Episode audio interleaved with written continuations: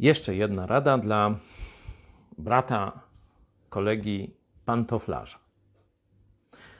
Już mówiłem wcześniej, od czego masz zacząć, że musisz to też wyznać jako swój grzech, zaniedbanie Bożego porządku, zaniedbanie swojej roli. I ostatnio mówiłem, żebyś poprosił swoją żonę o przebaczenie. Mam nadzieję, że ta rozmowa dobrze poszła. Ale teraz musisz ją jeszcze poprosić o kolejną rzecz.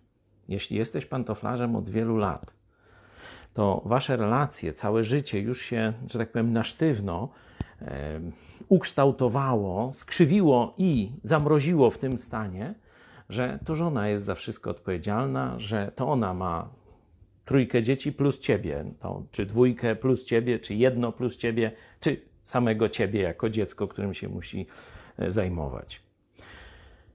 Rozmawialiśmy ostatnio z chrześcijanami, jak wyjść z tego stanu, i wspólnie stwierdziliśmy, że bez pomocy żony będzie bardzo trudno.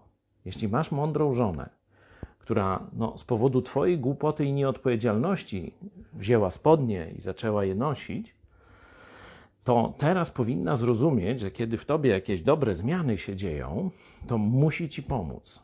Powinna Ci pomóc. Stąd warto umówić się na jakąś poważną rozmowę, może na randkę, żebyś porozmawiał z żoną, co możecie zmienić, i poprosił ją, żeby ona ci pomogła. Bo sam prawdopodobnie się szybko zniechęcisz, jeśli i nie wygrasz z nią w starciu, bo już przegrałeś wiele lat. Także ona musi ustąpić pola. Być może czekają Was jakieś wstrząsy, przez jakiś czas będzie dziwnie, pewne rzeczy będą niezrobione czy niedopatrzone, bo ona no, ustąpi Tobie miejsca, a Ty dalej będziesz po staremu.